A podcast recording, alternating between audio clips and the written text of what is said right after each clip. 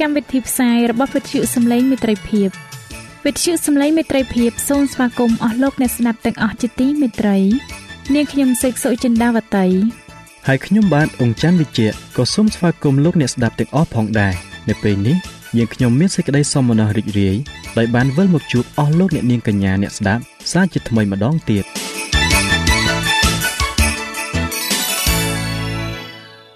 ចា៎លោកអ្នកស្ដាប់ជាទីមេត្រី នាងខ្ញុំសូមគោរពអញ្ជើញអស់លោកលោកស្រីអ្នកនាងកញ្ញាតាមដានស្ដាប់កម្មវិធីផ្សាយរបស់វិទ្យុយើងខ្ញុំដូចតទៅ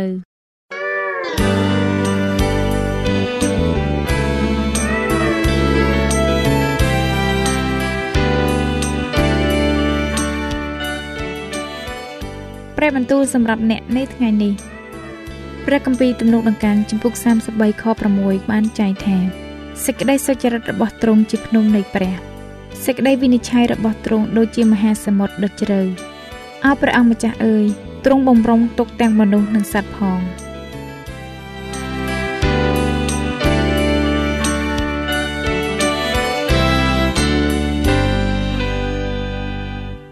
បាទជាថ្មីម្ដងទៀតខ្ញុំបាទសូមជម្រាបសួរដល់អស់លោកអ្នកទាំងអស់គ្នាហើយក៏សូមស្វាគមន៍មកកាន់មេរៀនប្រចាំសប្ដាហ៍របស់យើងនៅពេលនេះ មេរៀនរបស់យើងនៅសប្តាហ៍នេះមានចំណងជើងថាជីវិតនៅក្រោមសេចក្តីសញ្ញាថ្មី សម្រាប់លោកអ្នកដែលចង់បានមេរៀននេះប្រើនៅលើទូរស័ព្ទដៃ Android របស់លោកអ្នកលោកអ្នកអាចទាញយកបានតាមរយៈ Play Store ដោយវាយពាក្យថាខ្មែរសបាស្គូលមុននឹងខ្ញុំបាទជម្រាបជូននៅខ្លឹមសារនៃមេរៀននេះខ្ញុំបាទសូមគោរពអញ្ជើញអស់លោកអ្នកនាងបានពិចារណានៅចំណុចនិងសំណួរមួយចំនួន ដែលតាក់ទងជាមួយនឹងមេរៀននេះជាមុនសិនព្រះជាម្ចាស់ បានសន្យាថានឹងឲ្យយើងមានសេចក្តីអំណរជាអ្នកជឿលើព្រះយេស៊ូវតើសេចក្តីអំណរដូចគ្នាទៅនឹងសុភមង្គលដែរឬទេតើយើងគួរតែអរសប្បាយដែរឬទេ ប្រសិនបើយើងមិនមានតើមានអ្វីខុសប្រក្រតីជាមួយនឹងបទពិសោធន៍គ្រីស្ទៀនរបស់យើងទេតើជីវិតរបស់ព្រះយេស៊ូវអាចបង្ហាញអ្វីដែលនឹងជួយឲ្យយើងយល់ពីចម្លើយចំពោះសំណួរទាំងនេះមេរៀននៅសប្តាហ៍នេះជាវគ្គចុងក្រោយនៅក្នុង មេរៀនមួយឈុតនៃមេរៀនសបាស្គូលរបស់យើងស្ដីអំពីសេចក្តីសញ្ញាដូច្នេះសូមក្រឡេកមើលទៅឯព្រះពរថ្មីថ្មីនិងសេចក្តីសន្យាទាំងនេះចុះរង្វាន់ទាំងនេះមានមកពីព្រះគុណរបស់ព្រះទ្រង់បានគោះទ្វារចិត្តរបស់យើង ហើយយើងបានបើកទ្វារចិត្តថ្វាយដល់ទ្រង់ជាការពិតណាស់មានព្រះពរជាច្រើនទៀតដែលយើងអាចលើកយកមកពិភាក្សានៅសប្តាហ៍នេះ វាគ្រាន់តែជាការចាប់ផ្ដើមនៃអ្វីមួយ ដែលនឹងត្រូវបន្តគ្មានទីបញ្ចប់តែប៉ុណ្ណោះអស់លោកអ្នកជាទីមេត្រីត្រីមាសនេះយើងបានសិក្សាអំពីសេចក្តីសញ្ញាដែលបង្ហាញប្រាប់យើងអំពីផែនការរបស់ព្រះ ដើម្បីសង្គ្រោះមនុស្សរាល់គ្នាលទ្ធផលចុងក្រោយនៃសេចក្តីសញ្ញា គឺជាជីវិតអស់កលជានិច្ចនៅក្នុងផែនដីថ្មី យើងមិនចាំបាច់រងចាំរហូតដល់ពេលនោះដើម្បីទទួលបានព្រះពរនៃសេចក្តីសញ្ញាដែលបានផ្ដល់ ឲ្យយើងនៅថ្ងៃនោះទេព្រះជាម្ចាស់យកប្រតិយទុកដាក់ដល់ជីវិតរបស់យើងនាពេលបច្ចុប្បន្ននេះព្រះអង្គចង់ឲ្យយើងទទួលបាននូវអ្វីដែលល្អបំផុតសម្រាប់ពួកយើងនាពេលបច្ចុប្បន្នសេចក្តីសញ្ញាមិនដូចជាកិច្ចព្រមព្រៀងខ្លះដែលតម្រូវឲ្យលោកអ្នកធ្វើកិច្ចការណាមួយចំនួនហើយមួយរយៈក្រោយមកទើបបានទទួលរង្វាន់នោះទេ រង្វាន់ទាំងនោះគឺជាព្រះពរដែលអស់អ្នកទទួលសេចក្តីសញ្ញានេះបានរីករាយនៅលើផែនដីនេះ និងនៅពេលបច្ចុប្បន្ននេះតែម្ដងព្រះគម្ពីរយូហានខ្សែទី1ជំពូក1ខ4បានចែងថាខ្ញុំក៏សរសេរសេចក្តីទាំងនេះផ្ញើមកអ្នករាល់គ្នា ដើម្បីឲ្យសេចក្តីអំណររបស់អ្នករាល់គ្នា បានពោពេញឡើងសូមលោកអ្នកបានក្រឡេកមើលនៅអ្វីដែលសាវកយូហានបានសរសេរនៅទីនេះចុះក្នុងចំណោមពាក្យពេចន៍ដែលលោកបានប្រើក្នុងខនេះលោកបានប្រាប់យើងអំពីព្រះពរមួយដ៏សំខាន់បំផុតនៅក្នុងជីវិត ក្នុងនាមជាគ្រីស្ទៀននោះគឺជាសេចក្តីអំណរយើងដឹងថាជំនឿមិនមែនជាអារម្មណ៍នោះទេទាំងអស់នេះសុទ្ធតែជាការពិត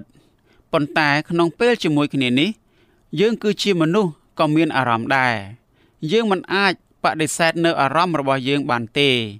អ្វីដែលយើងត្រូវធ្វើគឺត្រូវស្វែងយល់ពីវានិងផ្ដល់ឲ្យវា នៅទូនីតិដ៏ត្រឹមត្រូវហើយតាមដែលអាចធ្វើទៅបាន គឺធ្វើឲ្យវាស្ថិតនៅក្រោមការគ្រប់គ្រងរបស់យើងប៉ុន្តែបើយើងបដិសេធវា ដូចជាបដិសេធថាយើងមិនមែនជាមនុស្សនោះដែរយោងតាមខនេះយើងត្រូវតែមានអារម្មណ៍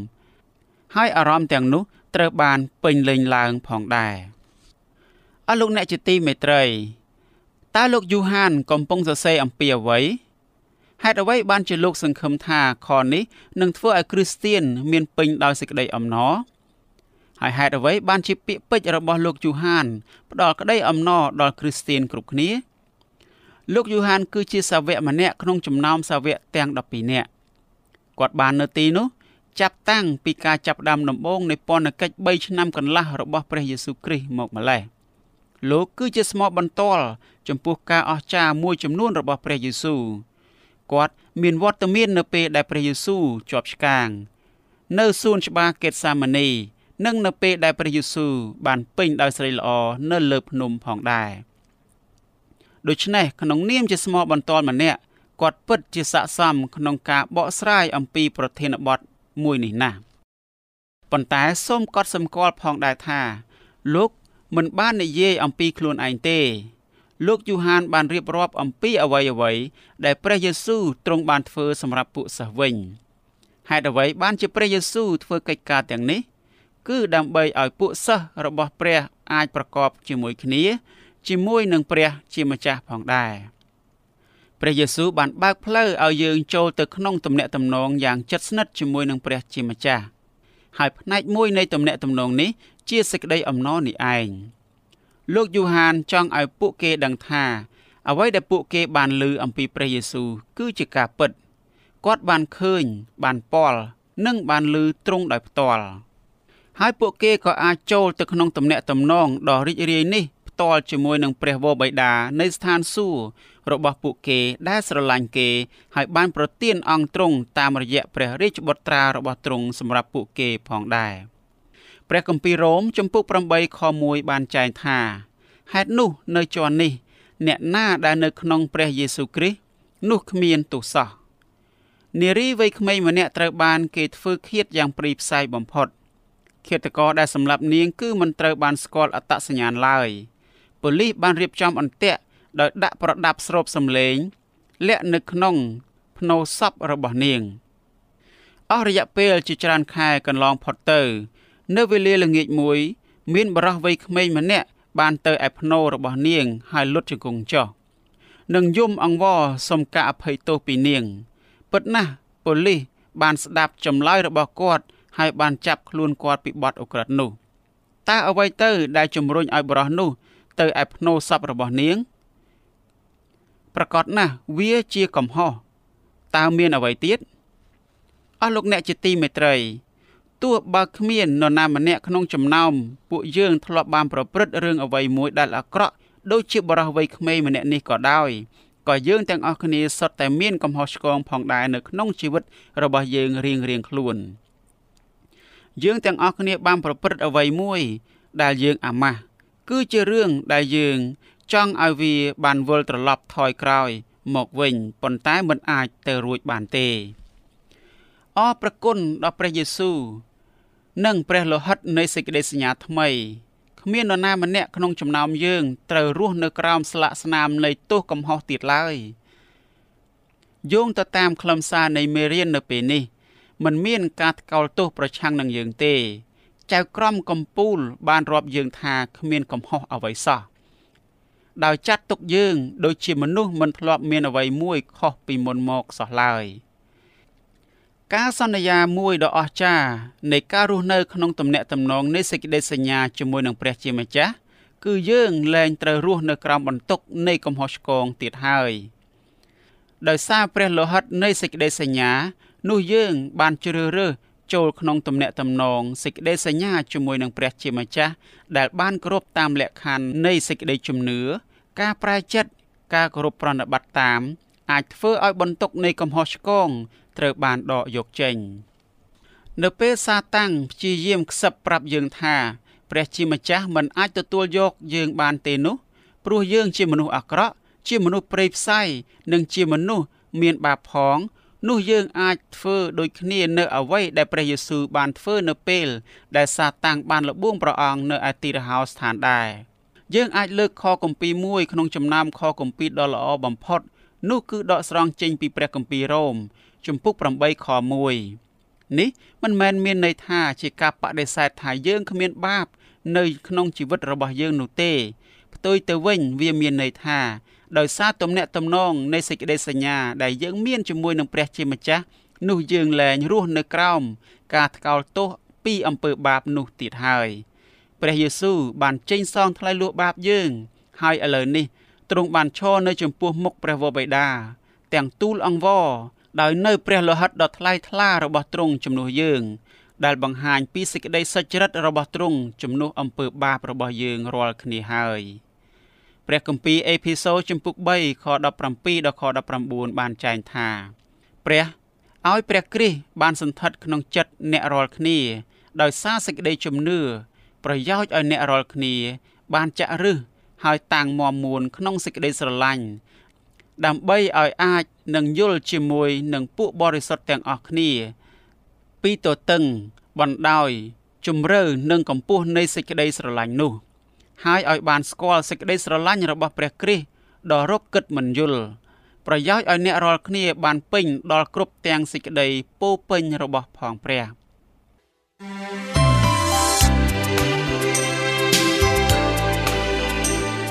សេចក្តីជំនឿកើតឡើងដោយលឺ ហើយដែលលឺនោះគឺដោយសារព្រះបន្ទូលនៃព្រះ តាមរយៈវិទ្យុសំឡេងមិត្តភាព AWR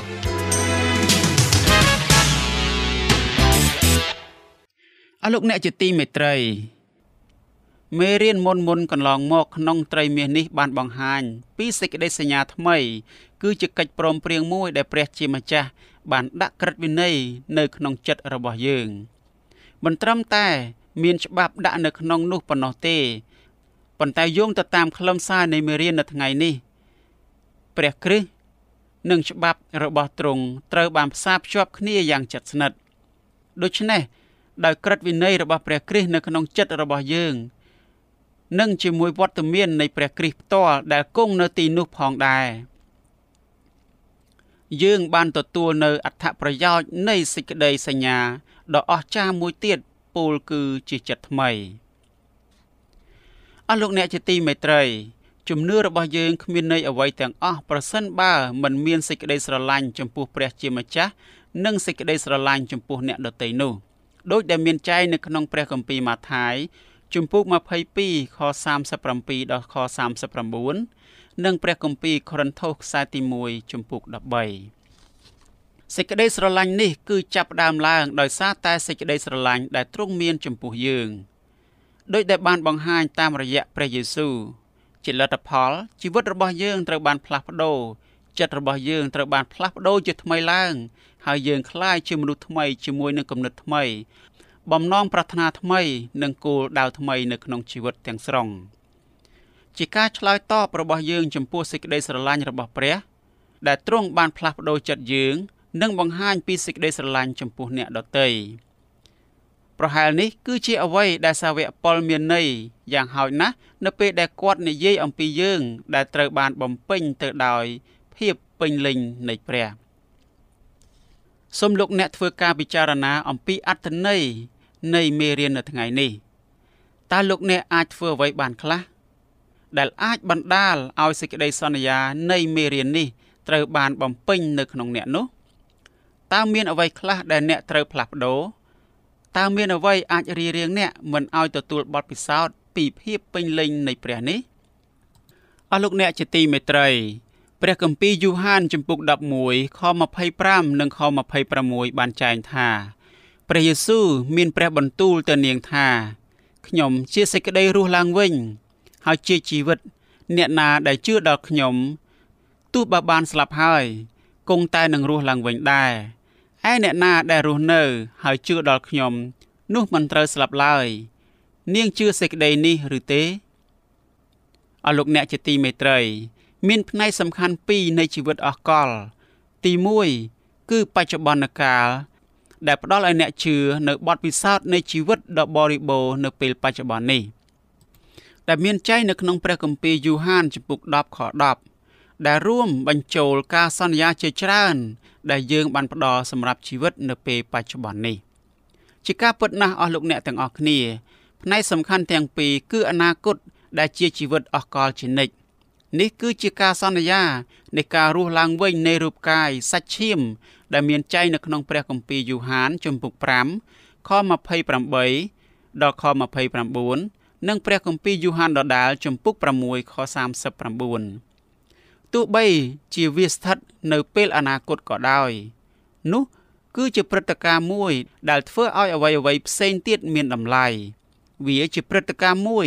ដែលគ្របដណ្ដប់ក្តីសង្ឃឹមរបស់យើងដែលជាគ្រីស្ទៀនអរលោកអ្នកជាទីមេត្រី យើងទាំងអស់គ្នាស្លាប់ប៉ុន្តែយោងទៅតាមព្រះយេស៊ូវការស្លាប់នេះគ្រាន់តែជាការដេកលក់តែប៉ុណ្ណោះ គឺសម្រាប់អ្នកដែលជឿលើទ្រង់នឹងត្រូវបានសម្រេចនៅក្នុងដំណើរនៃការរស់ឡើងវិញនៃជីវិតថ្មីអ្នកស្លាប់នៅក្នុងព្រះគ្រីស្ទនឹងរស់វិញនៅក្នុងជីវិតដ៏អស្ចារ្យនៅពេលដែលព្រះអង្គយាងត្រឡប់មកវិញជាលើកទី2ហើយអ្នកដែលដើរតាមព្រះគ្រីស្ទដែលមានជីវិតរស់រាននៅពេលដែលព្រះអង្គយាងមកវិញនោះនឹងត្រូវបានផ្លាស់ប្ដូរទៅជាជីវិតថ្មីដែលមិនចេះស្លាប់ឡើយទាំងមនុស្សស្លាប់និងមនុស្សរស់ ដែលជាកម្មសិទ្ធិរបស់ព្រះគ្រីស្ទនឹងមានរូបកាយរស់ឡើងវិញដូចគ្នាទាំងអស់អមតភាពភាពដែលមិនចេះស្លាប់នឹងត្រូវបានចាប់ផ្ដើមនៅពេលនោះសម្រាប់រាជរបស់ព្រះអង្គតើអ្វីទៅ ជាសេចក្តីអំណរដ៏អស្ចារ្យដែលបានដឹងថា គ្រាចុងក្រោយរបស់យើង គឺមិនស្ថិតនៅក្នុងភ្នោប៉ុន្តែគឺគ្មានទីបញ្ចប់ឡើយគឺយើងរាល់គ្នានឹងមានជីវិតថ្មីដែលស្ថិតស្ថេរជារៀងរហូត អ្នកស្រី Ellen G. White បានសរសេរនៅក្នុងសិភៅព្រះនៃសេចក្តីស្រឡាញ់ថាព្រះគ្រីស្ទបានយាងមកយកកំណើតជាមនុស្សដូចយើង ដើម្បីឲ្យយើងអាចទទួលបាននៅវិញ្ញាណតែមួយជាមួយទ្រង់ផងដែរដោយសារអំណាចនៃការរួបរวมនេះ យើងនឹងត្រូវបានចេញពីភ្នោមកត្បិតវាមិនមែនគ្រាន់តែជាការបង្ហាញពីអំណាចរបស់ព្រះគ្រីស្ទប៉ុណ្ណោះទេប៉ុន្តែដោយសារជំនឿនោះព្រះជន្មរបស់ព្រះអង្គបានคล้ายជារបស់ផងយើង អ្នកដែលមើលឃើញព្រះគ្រីស្ទនៅក្នុងអត្តចរិតពិតរបស់ទ្រង់ហើយទទួលយកទ្រង់មកគង់ប្រថាប់ក្នុងចិត្តនិងទទួលបាននៅជីវិតអស់កលជានិច្ចគឺតាមរយៈព្រះវិញ្ញាណបរិសុទ្ធដែលព្រះគ្រីស្ទគង់នៅក្នុងយើង ដោយសេចក្តីជំនឿព្រះវិញ្ញាណនៃព្រះ ដែលបានយាងមកចូលនៅក្នុងចិត្តពោលគឺជាការចាប់ផ្ដើមនៃជីវិតដ៏នៅអស់កលជានិច្ចអស់លោកអ្នកជាទីមេត្រី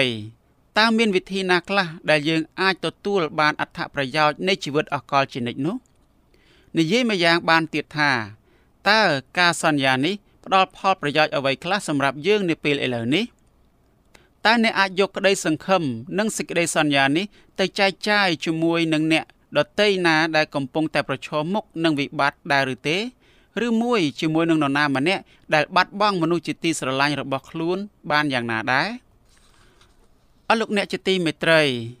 ព្រះគម្ពីរម៉ាថាយជំពូក28ខ19ដល់ខ20បានចែងថាដូច្នេះចូលទៅបញ្ចុះបញ្ចូលឲ្យមានសិស្សនៅគ្រប់ទាំងសាសព្រមទាំងធ្វើបន់ជ្រមុជទឹកឲ្យដោយនៅព្រះនាមព្រះវរបិតាព្រះរាជបុត្រានិងព្រះវិញ្ញាណបរិសុទ្ធចុះហើយបង្រៀនឲ្យគេកាន់តាមគ្រប់ទាំងសេចក្តីដែលខ្ញុំបានបង្គាប់មកអ្នករាល់គ្នាផង ហើយមើលខ្ញុំក៏នៅជាមួយនឹងអ្នករាល់គ្នា រាល់ថ្ងៃដែរដល់រាបដល់បំផុតកលអរលោកអ្នកជាទីមេត្រី មនុស្សទូទាំងពិភពលោកតែងតែបានជួបនៅបញ្ហាផ្សេងផ្សេងរាប់មិនអស់អ្នកនិពន្ធជនជាតិអាហ្វ្រិកខាងត្បូង គឺលោក Rowan បានមានប្រសាសន៍ថា នេះគឺជាបន្ទុកនៃភាពគ្មានន័យមនុស្សរកឃើញខ្លួនឯងជាមួយនឹងអំណោយទាននៃជីវិតប៉ុន្តែពួកគេមិនដឹងថាត្រូវធ្វើយ៉ាងដូចម្តេចជាមួយវា ក៏មិនដឹងថាគោលបំណងនៃអំណោយទាននេះគឺជាអ្វីហើយក៏មិនដឹងពីរបៀបនៃការប្រើប្រាស់វាដែរវាក៏ដូចជាការផ្ដល់ឲ្យនរណាម្នាក់នៅបណ្ណាល័យមួយ មានពោពេញទៅដោយសិភៅដ៏កម្រគឺបានត្រឹមតែយកសិភៅទាំងនោះ ទៅទុកចោលដោយមិនបានអានប៉ុន្តែប្រើវាដើម្បីជាការបង្កាត់ភ្លើងតែប៉ុណ្ណោះ វាគឺពិតជាការខ្ជះខ្ជាយខ្លាំងណាស់ចំពោះអ្វីដែលមានតម្លៃបំផុតនោះទោះបីជាយ៉ាងណា សម្រាប់គ្រឹះបរិស័ទដែលមានសេចក្តីសញ្ញាថ្មី បញ្ហានេះមិនមែនជាបញ្ហាដែលពួកគេត្រូវតយុទ្ធជាមួយនោះឡើយផ្ទុយទៅវិញ អ្នកដែលស្គាល់នៅដំណឹងល្អដ៏អស្ចារ្យរបស់ព្រះអង្គសង្គ្រោះដែលត្រូវបានឆ្កាងនិងមានប្រជញ្ញរស់ឡើងវិញដែលព្រះអង្គបានសគត់សម្រាប់មនុស្សមានបាបគ្រប់គ្នានៅគ្រប់ទីកន្លែង ដើម្បីឲ្យពួកគេអាចមានជីវិតអស់កលជានិច្ចដោយបានស្គាល់នៅសេចក្តីអំណររីករាយនេះដោយពិចារណាលើការអំពាវនាវដ៏ជាក់លាក់នៅក្នុងព្រះគម្ពីរម៉ាថាយជំពូក28ខ19ដល់ខ20អ្នកជឿពិតប្រាកដត្រូវមានបេសកកម្មនិងគោលបំណងនៅក្នុងជីវិត នោះដើម្បីផ្សព្វផ្សាយដល់ពិភពលោក នៅសេចក្តីពិតដ៏អស្ចារ្យដែលគាត់បានមានបទពិសោធន៍ផ្ទាល់ខ្លួននៅក្នុងព្រះយេស៊ូវគ្រីស្ទ នេះពិតជាឯកសិទ្ធិដ៏មានតម្លៃមែនអ្វីផ្សេងទៀតដែលយើងធ្វើនៅក្នុងពិភពលោកនេះនឹងត្រូវបញ្ចប់ប៉ុន្តែការផ្សព្វផ្សាយដំណឹងល្អអំពីព្រះគ្រីស្ទដល់អ្នកដទៃនឹងបំផ្លាស់បំប្រែជីវិតរបស់ពួកគេជារៀងរហូតពិតជាអស្ចារ្យមែនយើងមានបេសកកម្មដ៏អស្ចារ្យនិងគោលបំណងជាក់លាក់ដើម្បីបម្រើព្រះអស់លោកអ្នកជាទីមេត្រី ក្នុងនាមជាក្រុមជំនុំនៃសេចក្តីសញ្ញាថ្មី យើងបានទទួលការផ្ដល់ឯកសិទ្ធិច្បាស់លាស់អំពីព្រះជាម្ចាស់នៅក្នុងព្រះគម្ពីរម៉ាថាយជំពូក28ខ19ដល់ខ20នេះមិនថាយើងជាអ្នកណា ស្ថិតនៅក្នុងស្ថានភាពបែបណា ឬទីកន្លែងណានោះទេ យើងទាំងអស់គ្នាមានទួនាទីអាចដើរតួជាអ្នកបម្រើព្រះបានគ្រប់គ្រប់គ្នាតើអ្នកបានធ្វើអ្វីខ្លះដែរឬទេតើអ្នកអាចធ្វើឲ្យបានច្រើនជាងនេះដែរឬទេ ព្រះរាជបុត្រាដ៏បរិសុទ្ធរបស់ព្រះទ្រង់គ្មានបាប ឬទុកព្រួយផ្ទាល់ខ្លួនដែលព្រះអង្គត្រូវរងទោសនោះឡើយទ្រង់បានរងអំពើបាបរបស់អ្នកដទៃត្បិតព្រះអង្គបានទទួលរងទោសរបស់យើងរាល់គ្នាមកដាក់លើអង្គទ្រង់ព្រះអង្គបានផ្សារភ្ជាប់ជាមួយយើងរាល់គ្នា តាមរយៈការអាណិតអាសូរនិងសេចក្តីស្រឡាញ់ហើយក្នុងនាមជាអ្នកតំណាងនៃមនុស្សលោក ព្រះអង្គបានចោះចូលស្ម័គ្រចិត្តដើម្បីឲ្យគេបានប្រព្រឹត្តមកលើអង្គទ្រង់ទុកដូចជាជនល្មើសច្បាប់ព្រះអង្គបានក្រឡេកមើលទៅក្នុងទីជម្រៅបំផុតនៃសេចក្តីវេទនាដែលអំពើបាបបានបំបែកបំបាក់ឲ្យយើងឃ្លាតចេញពីព្រះជាម្ចាស់ហើយព្រះអង្គបានសន្យាថានឹងធ្វើជាស្ពានមេត្រីដើម្បីផ្សារភ្ជាប់មនុស្សលោកដែលមានបាបជាមួយនឹងព្រះជាម្ចាស់ឡើងវិញ អស់លោកអ្នកជាទីមេត្រីសូមអស់លោកអ្នកបានផ្ទេរបន្ទុកនៃកំហុសរបស់លោកអ្នកទៅឯព្រះយេស៊ូវហើយដោយជំនឿនោះលោកអ្នកនឹងទទួលបាននូវព្រះគុណនិងជីវិតរបស់ព្រះជាម្ចាស់ផ្ទាល់សូមមកឥឡូវចុះនៅពេលដែលសេចក្តីមេត្តាករុណាកំពុងតែដង្ហើយហៅនៅឡើយចូលមកជាមួយនឹងការលន់តួបាបភាពខ្ទេចខ្ទាំនៃប្រលឹងវិញ្ញាណនោះព្រះ នឹងលើកលែងទោសដល់អ្នកគ្រប់គ្នាសូមលោកអ្នកកុំប្រងើយកន្តើយហើយរងចាំឱកាសណាមួយផ្សេងទៀតឡើយសូមលោកអ្នកបានស្ដាប់នូវសំឡេងនៃសេចក្តីមេត្តាករុណារបស់ព្រះដែលកំពុងតែដង្ហើយហៅអ្នករាល់គ្នានៅពេលឥឡូវនេះចុះដើម្បីឲ្យអស់លោកអ្នកមានបទពិសោធន៍ជាមួយនឹងទ្រង់ហើយទីបំផុត អ្នកនឹងទទួលបាននូវជីវិតអស់កលចូលកុំឲ្យអំនួត នឹងការដែលមិនជឿរបស់អ្នកនាំឲ្យអ្នកនៅតែច្រានចោលសេចក្តីមេត្តាករុណារបស់ព្រះនោះឡើយប្រសិនបើអ្នកបន្តធ្វើដូច្នោះនោះអ្នកនឹងត្រូវរងទុក្ខនៅទីបញ្ចប់ជាមិនខានអស់លោកអ្នកជាទីមេត្រីរដូវច្រូតកាត់បានកន្លងហើយរដូវក្តៅក៏ផុតទៅហើយដែរតែយើងរាល់គ្នាមិនទាន់បានសង្គ្រោះនៅឡើយទេដូច្នេះមានតែការចូលមកឯព្រះជាម្ចាស់តែប៉ុណ្ណោះដើម្បីឲ្យមានជីវិត ដោយពោពេញនិងបានសេចក្តីសង្គ្រោះ នៅពេលដែលទ្រង់យាងមកវិញជាលើកទី2អស់លោកអ្នកជាទីមេត្រីសូមឲ្យព្រះទ្រង់បានប្រទានពរដល់អស់លោកអ្នកទាំងអស់គ្នាជាចុងក្រោយខ្ញុំបាទសូមលើកយកនៅខ1មកជម្រាបជូនដល់អស់លោកអ្នកទាំងអស់គ្នាគឺព្រះគម្ពីរយូហានជំពូក10ខ10ដែលបានចែងយ៉ាងដូចនេះថាឯចោវាមកប្រយោជន៍តែនឹងលួចសម្លាប់ហើយនឹងបំផ្លាញប៉ុណ្ណោះតែឯខ្ញុំវិញ ខ្ញុំបានមក ដើម្បីឲ្យវារាល់គ្នាមានជីវិត ហើយឲ្យមានជីវិតនោះពោពេញផងសូមឲ្យលោកអ្នកបានចម្រើនឡើង ក្នុងព្រះគុណនិងការស្គាល់ព្រះយេស៊ូវគ្រីស្ទជាព្រះអម្ចាស់និងជាព្រះអង្គសង្គ្រោះកាន់តែច្រើនឡើង សូមព្រះជាម្ចាស់ទ្រង់ប្រទានពរអាមែន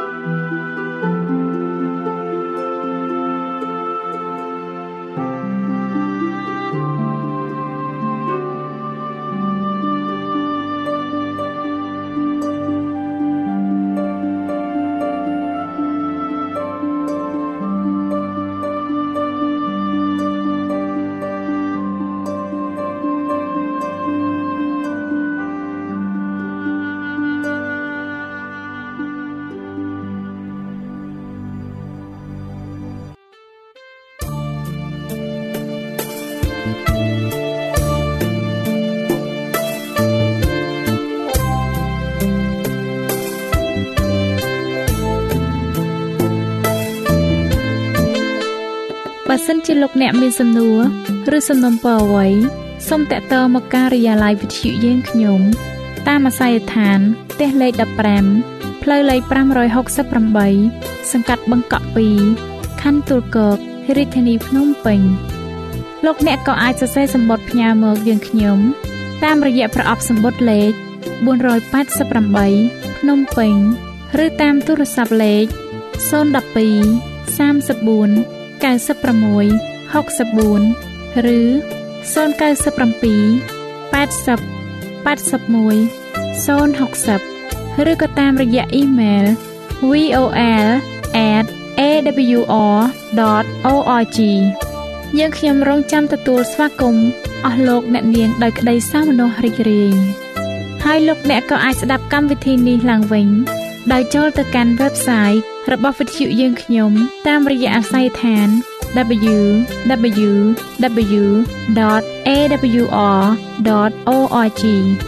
លោកអ្នកនាងកញ្ញាជាទីមេត្រី កម្មវិធីផ្សាយរបស់វិទ្យុសំឡេងមេត្រីភាពនៅពេលនេះសូមបញ្ចប់តែប៉ុណ្ណេះយើងខ្ញុំសូមអរគុណចំពោះការតាមដានស្ដាប់របស់អស់លោកអ្នកតាំងពីដើមរហូតដល់ចប់យើងខ្ញុំសូមជូនពរឲ្យអស់លោកអ្នកនាងកញ្ញាទាំងអស់បានចម្រើនឡើងក្នុងព្រះគុណព្រះអង្គម្ចាស់ ហើយក្នុងការទទួលយកព្រះយេស៊ូវគ្រីស្ទជាព្រះអង្គម្ចាស់និងជាព្រះអង្គសង្គ្រោះនៃយើងរាល់គ្នានាទីផ្សាយរបស់វិទ្យុយើងខ្ញុំនឹងវិលមកជួបអស់លោកអ្នកសាជាថ្មីម្ដងទៀតនៅថ្ងៃស្អែកវេលាម៉ោងដដែលនាងខ្ញុំសេកសុចិន្តាវតីនិងខ្ញុំបាទអ៊ំច័ន្ទវិជ្ជៈសូមអរគុណសូមជម្រាបលា